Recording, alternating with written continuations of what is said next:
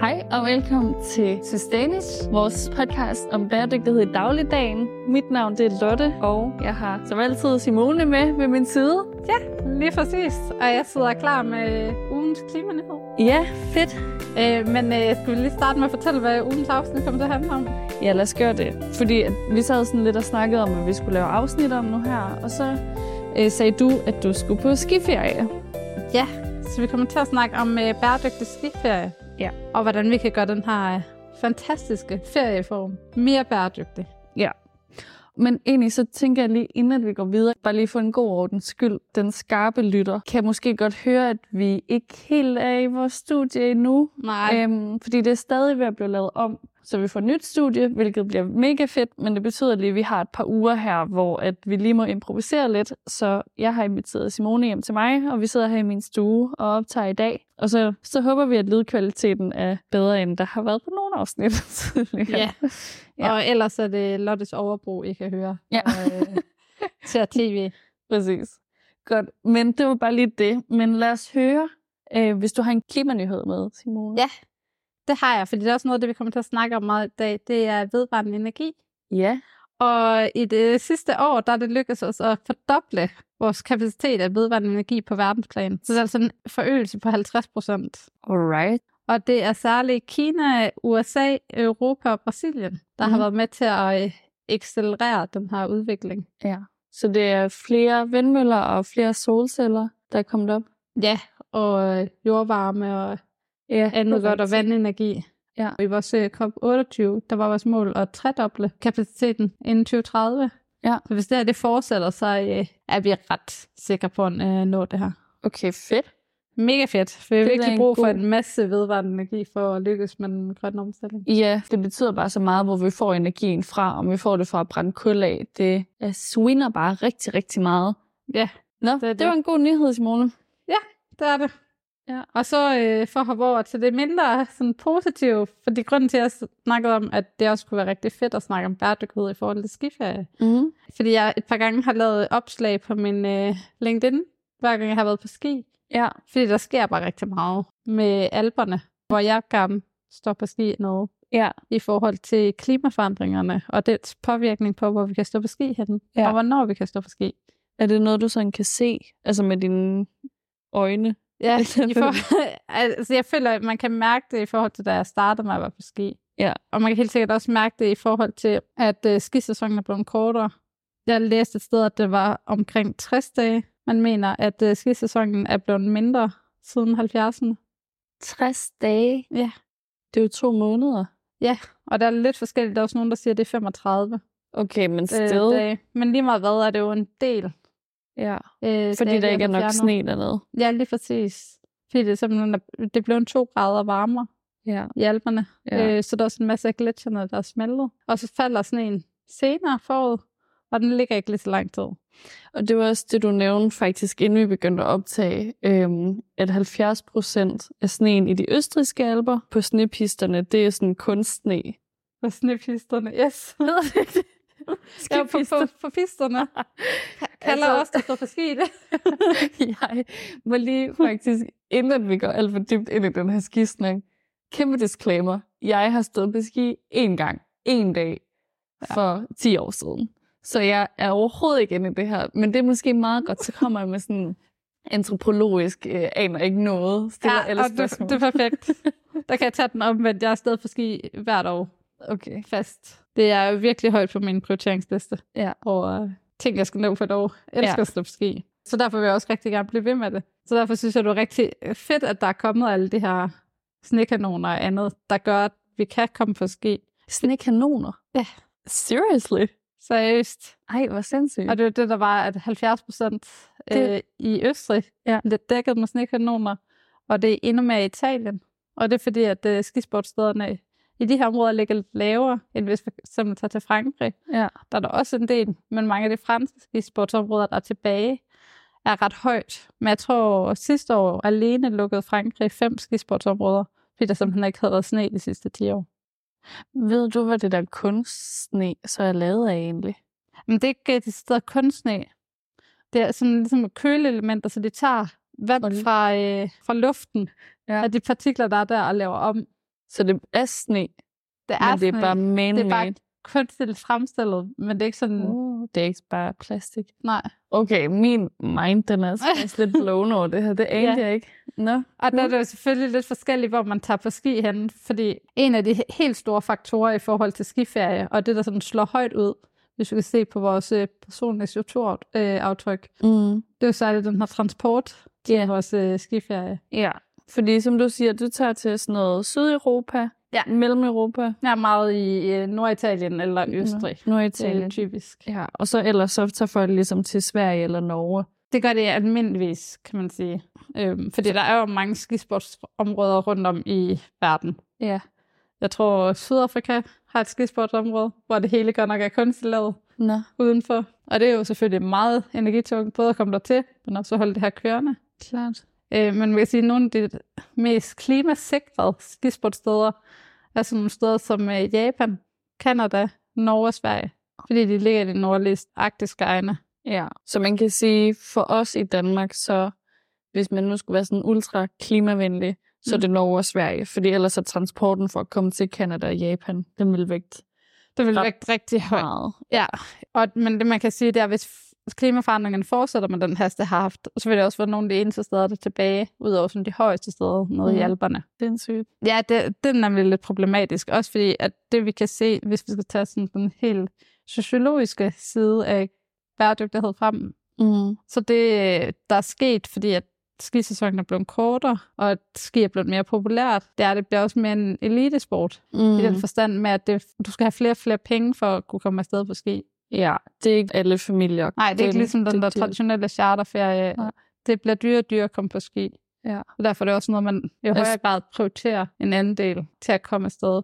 Mm. det er dyrt at tage afsted. Ja. Ikke bare rejse, men også bare det at få lov til at komme ind på de her skiområder, og skiresorter og andet. Det er crazy. Ja, men det var lige en uh, sideskridt, fordi vi snakkede om transport. ja. Ja, lad os lige sådan hoppe ned i, hvis at nu, at man skulle prøve at se, hvordan kan vi så, fordi at man er også nødt til i den her verden, hvor at vi skal være, altså værne om vores jord, så er man også nødt til at få noget mening og noget værdi ud, og tage på skiferie, hvis at det virkelig sådan, Ja. altså betyder så meget for en, ikke? Så hvis vi nu skulle gøre det, tage på skiferie, og så Mhm. bare tage på en rigtig klimavenlig skiferie, hvordan kunne vi så bære os ad? Ja, altså det bedste valg ville jo være at tage toget. Ja. Og det er heldigvis muligt til ret mange af de her skisportsteder. Mm. Både fordi, at jeg er ret sikker på, både øh, Sverige, og jeg tror også Norge gør det, øh, men Sverige gør det i hvert fald, og så øh, i Sydeuropa har de det også. Når du først kommer forbi øh, de danske togbaner, så er der egentlig rimelig god øh, transportsikkerhed, og så mange af skisportstederne ligger i nærheden af togstationer. Okay. Og så kan du tit få arrangeret, hvis de ikke selv har shuttlebusser hen til skisportsområdet. Så det er rimelig godt dækket ind, faktisk. Ja, og alternativt tænker jeg også, altså hvis det tit, synes jeg, at man er en større gruppe eller en familie, der skal afsted, så fylde bilen op. Fyld bilen op, tag bussen. Ja. Der er også mange af de her skibureauer, hvis man rejser afsted med et øh, rejseselskab, Mm. mm. at man kan komme afsted med bus. Ja.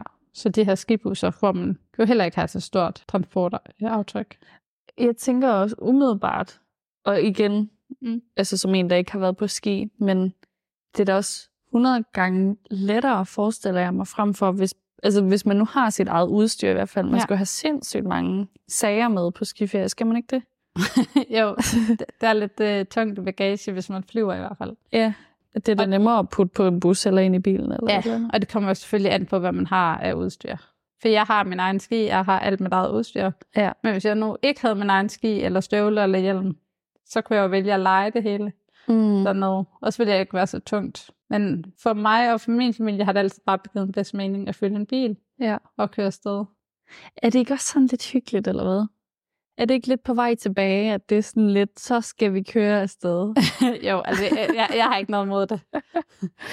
Jeg tænker, at det, ja, det, det var da klart nemmere, da vi var yngre og andet, og nu øh, kører vi også, øh, fylder vi også to biler i stedet for en. Men Ja. øh, det, det er meget hyggeligt. Ja, jeg Øh, synes at sidde og snakke og have køresnacks og lytte på lydbog og podcast på vej på ferie. Så det, Ja. det kan noget. Så altså, hvis man skal komme af, i hvert fald bæredygtigt afsted, så skal man jo i hvert fald sørge for at fylde en bil.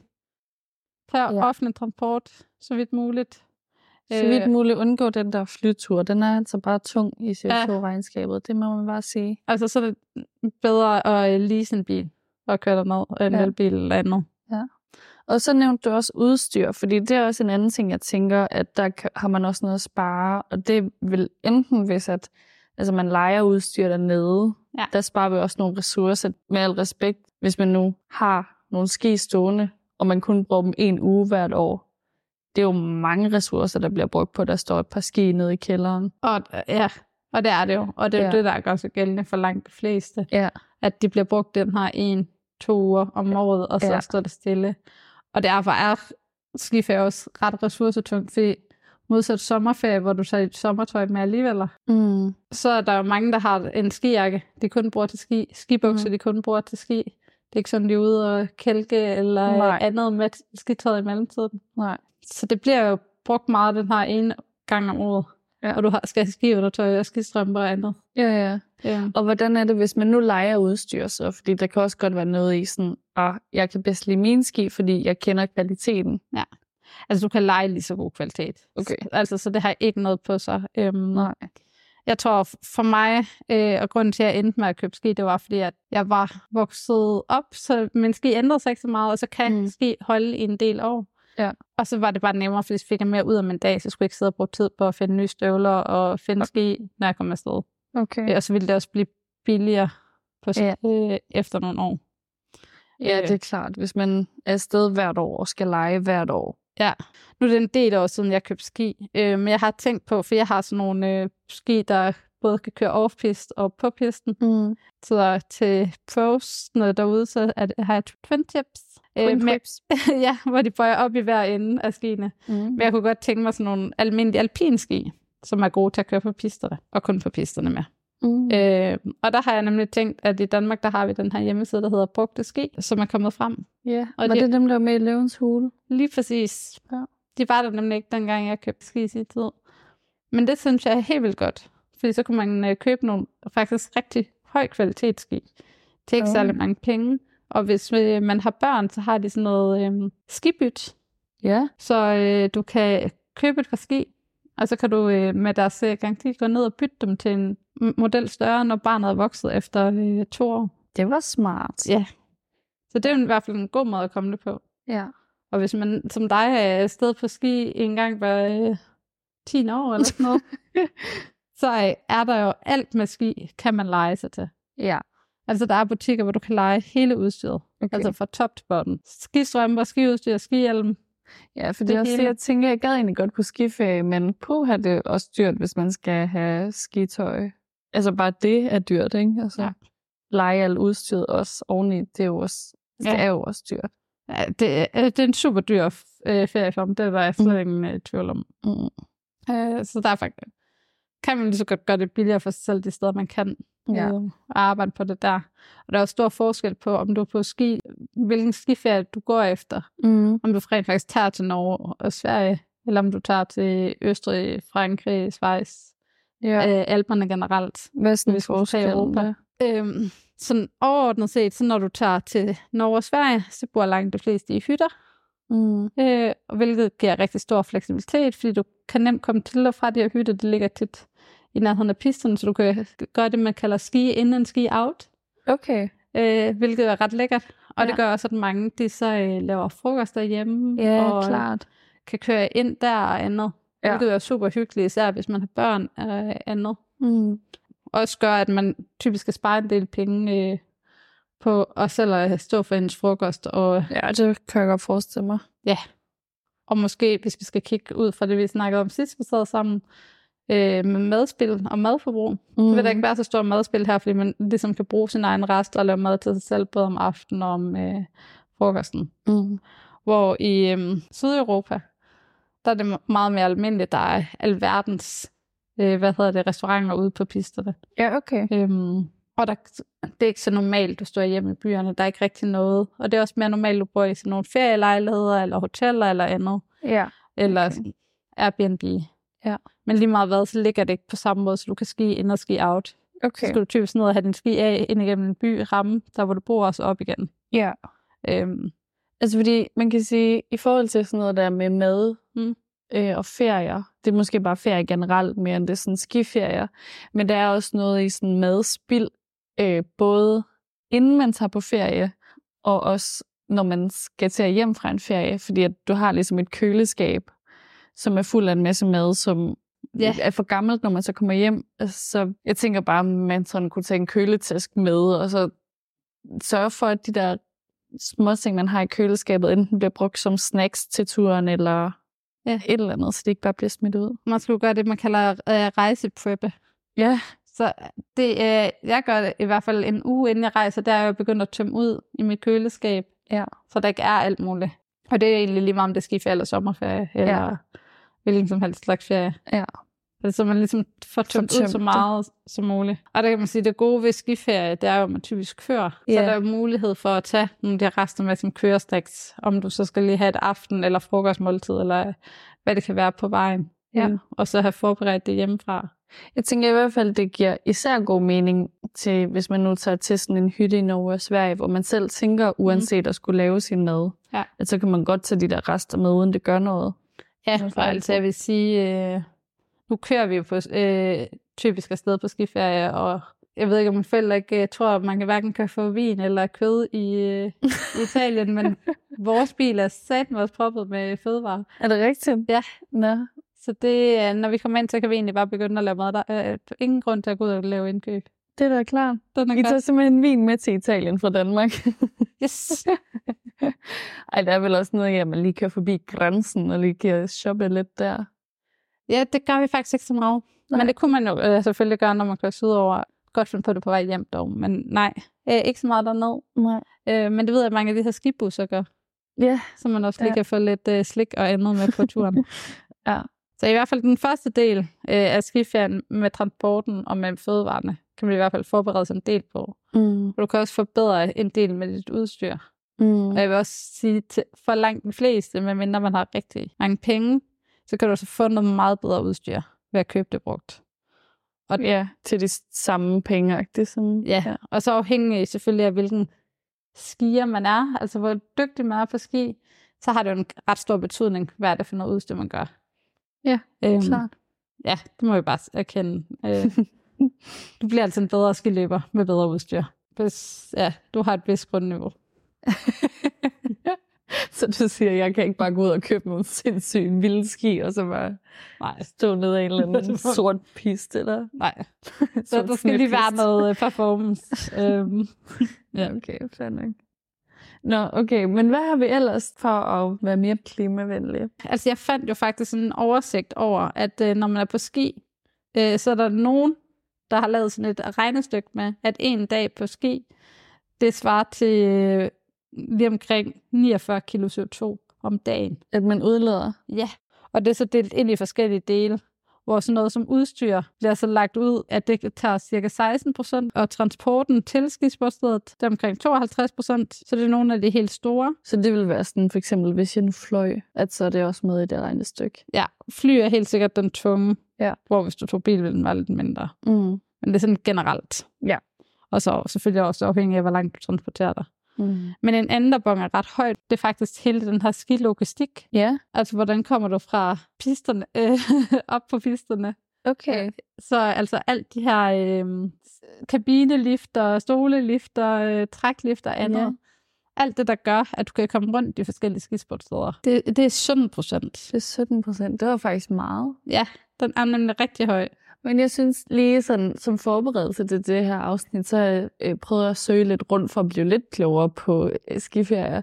Jeg synes, at jeg læste, at der er flere skisportsteder, som er blevet gode til netop øh, sådan noget der med vedvarende energi og sætte solceller op og sådan noget for at, at altså prøve at imødekomme det lidt og gøre, hvad de kan. Ja, langt det meste af det her, det kører også på solceller. Og de er ret gode til at sætte det op oven på alle de her øh, skilifter og løbende. Og det står egentlig også på snekanonerne. Mm. Fordi også nogenlunde har det. Og det kan man jo sige modsat Norge og Sverige. Øh, der skal man typisk have lidt mere tøj på, fordi det typisk er lidt koldere at stå på ski der. Ja.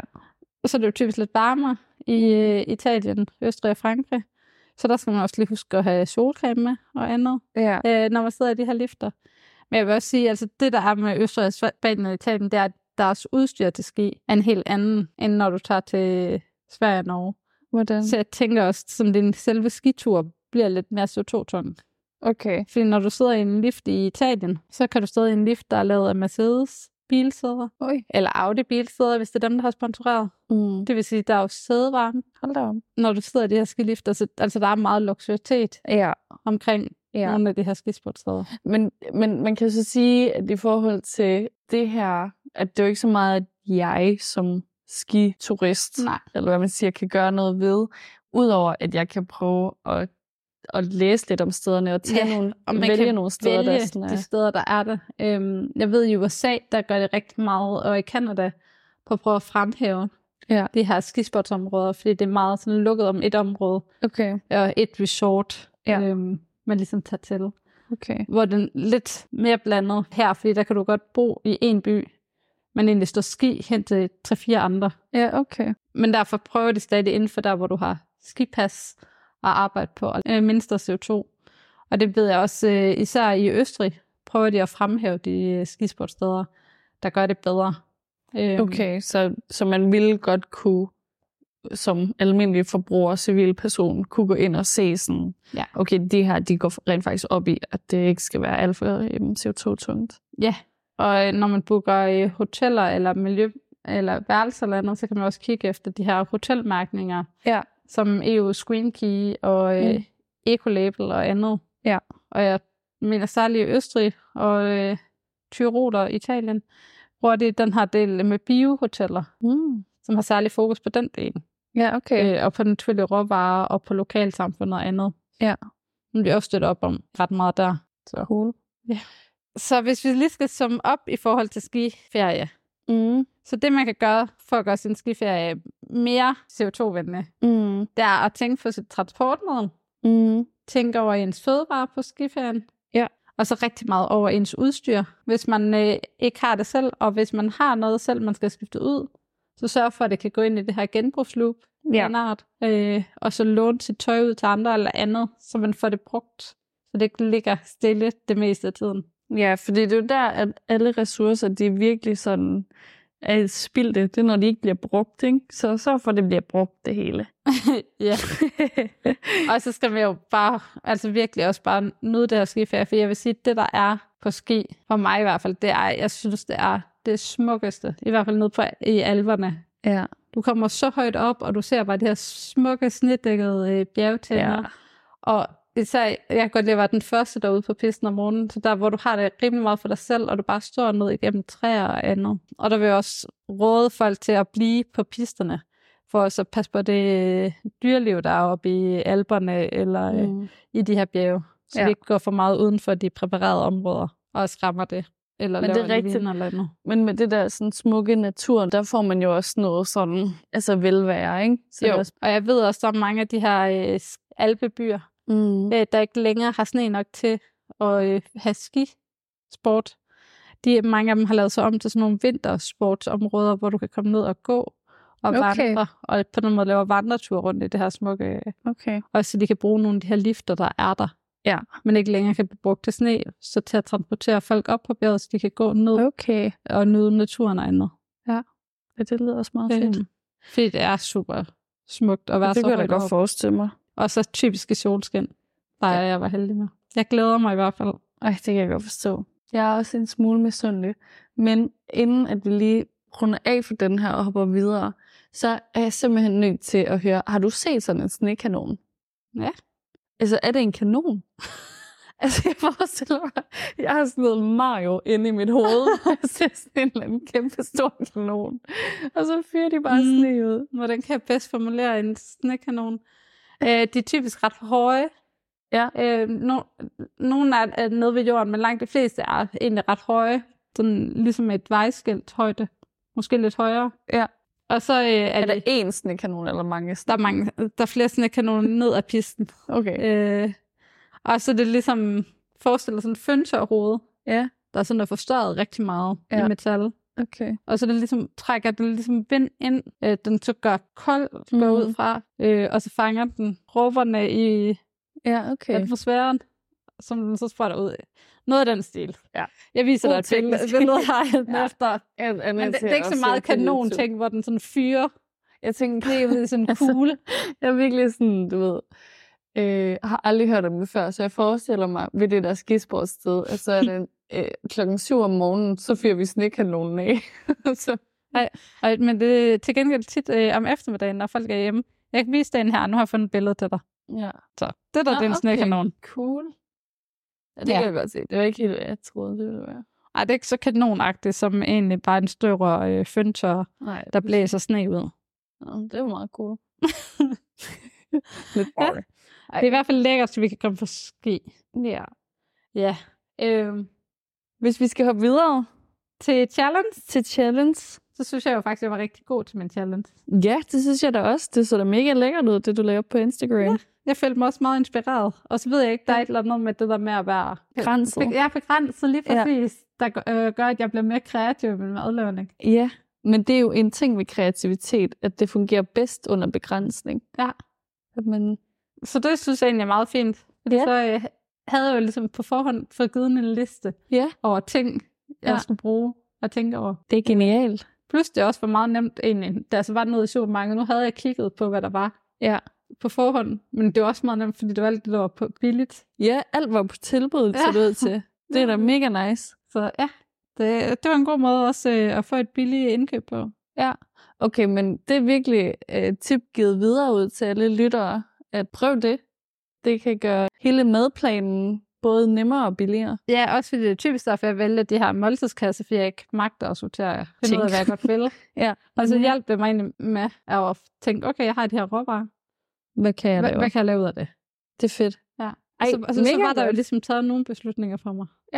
Men jeg vil også sige, at efter at øh, vi snakkede om det med klimavenlig mad, at det er virkelig også, altså jeg er også blevet meget bedre til sådan lige at tænke i råvarer og hele tiden tænke i, hvad har vi i køleskabet af rester, der skal Ja. ja. bruges? Kan vi lave noget ud fra det og sådan noget? Fedt. Det er nice. Ja, om der kan jeg jo fortælle, at have tortillas i øh, fryseren er mit lifehack. Ja, Fordi tortillas, de er madpandekager. Ja. De kan, øh, dem kan du lave om til alt muligt mad. ja. Hvis du lige har en ret kødsovs eller chili con carne, så kan du lave det om til... Hvad hedder det? Burrito Ja, lige præcis. Mm. Du prøver på alt i, og så bare lidt ost, og så øh, er det en helt ny ret, der, der også er lækker. Det, det lyder som om, du sagde chinchilla eller eller noget. ja, Chillas. chillos. der er henad. ja, men det er da en god idé at have dem Ja. i fryseren. De bliver seriøst heller aldrig for gamle, sådan nogle der føler. jeg. Nej, nej, og det fungerer fint. Det, Mm. Det er overhovedet ikke, fordi de bliver forringet af at komme en tur i fryseren. Nej. Stærkt. Det er perfekt. Godt, den skal jeg også prøve. Ja. Nå, men så er jeg spændt på at høre, om du har en Ja. challenge. Og jeg har en total øh, Aarhus-challenge med til dig. Alright. Yes, og det er fordi, at i Aarhus har vi fået, som det første i Danmark, klapper lige Uh. Aarhus her, øh, der har vi fået pand på vores to-go-kopper. Ja, vi har så i den her uge, ikke? Jo, Ja. jeg havde også tænkt at tage den med som klimanyhed, men nu gav jeg den, der den som challenge. Okay. Fordi jeg tænker, at det er jo en perfekt challenge. Fordi vi er lige i fastelavnsbollesæsonen, og fastelavnsbolle og kaffe går bare hånd i hånd. Så jeg skal ned og prøve det nye pandsystem. Og så Ej, vil jeg er gerne en øh, have en challenge. anmeldelse af, om det fungerer. Ja. På vej ned til dig bare, der kom jeg forbi tre af de her pandsystemer. Er det Så der er rigtigt? jo en del af dem opsat rundt Men det omkring. er fedt, fordi at jeg har faktisk snakket med nogle af mine venner om, at sådan, det kræver, at der er mange steder, man kan returnere dem. Fordi Mm. man gider ikke gå rundt med sådan en der kop. Og de har også lavet en liste over, øh, hvilke steder, for det er ikke alle kaffesteder i Aarhus, der er med endnu. Okay. Kan Øh, du lige nævne nogle gode fastlavnsbollesteder? Ja, men jeg skulle nemlig til at sige, at der er flere, der kommer med i februar. Blandt andet alle lavkagehuset kommer Okay. først med i februar. Men Ja. ja. fra nu af, der har vi alle Espresso House. Mm. Og hvis vi skal sådan på de gode fastlavnsboller i Aarhus, så er David Bretton, Mm. mm. Emma Emma, Jumbo, La Cabra, Nabokiosken, Street Coffee, Street Food. Altså, der er mange steder. Ja. Det Øh, det der er masser af steder, hvor du kan gå ind og få en kop kaffe. Ej, det er fedt. Må du Mega se, fedt. Og så det kan? måske til dem, hvis der er nogen, der lytter med, der ikke har hørt eller læst om den her øh, to-go øh, pantordning, så er det, at når man går ind på de her kaffebarer, som Simone nævnte, så får man sådan en altså recyclable to-go kop, Og så når man er færdig med at bruge den, så står der sådan en eller anden retur. Altså jeg har ikke selv set det, men sådan en panteautomat, Mm. der står ude på gaden, hvor man scanner sit visakort, og så panter man sin kop, og så får man 5 kroner igen. Ja. Eller et eller andet. Det er sådan, som jeg forstår det i hvert fald. Det er præcis, og på hver af de her øh, kopper, der er sådan en QR-kode. Ja. Øh, så man også kan se, hvor mange gange koppen er blevet øh, pantet, Ej, hvor og cool. øh, meget det bliver brugt. Mega Så der er cool. en fin øh, sporbarhed. Ej, det er nice. Ja. Nå, det, det vil jeg gøre. Så Ja. skal jeg have fastlavsboller. Så øh, god undskyldning for lige at øh, gå en rund, tur rundt og drikke en masse kaffe, ja. tænker jeg. Perfekt. Så Jamen, det var fedt. det for i dag, og så kan vi lige sige, at øh, næste uge, der øh, kommer vi til at snakke om, Iværksætteri. ja, og hvordan man kan bruge, lave produkter om som service. Mm. Så øh, nemlig at tage ind i den her cirkulære økonomitankegang, Ja. og hvordan vi kan retænke og bruge vores øh, ressourcer og øh, købe ind på. Nemlig. Så det skal nok blive rigtig godt. Ja. Ja, for det er ikke nu, at du smutter på skiferie. Ej, det er første uge syv. Så vi er her igen næste Ja, jeg har lige lidt tid at glæde mig Ja, det er rigtigt. lige nu. Så vil jeg ikke ønske dig god ferie nu. Nej. Godt, men øh, tak fordi, at I lytter med derude. Og så vil jeg faktisk også lige sige, at hvor end I nu lytter med, så må I mega gerne gå ind og give os en anbefaling, hvor mange stjerner I nu synes, at vi har fortjent, fordi at så kan vi måske lige så stille kravle op af listerne, så der er flere og flere, der får øje på os.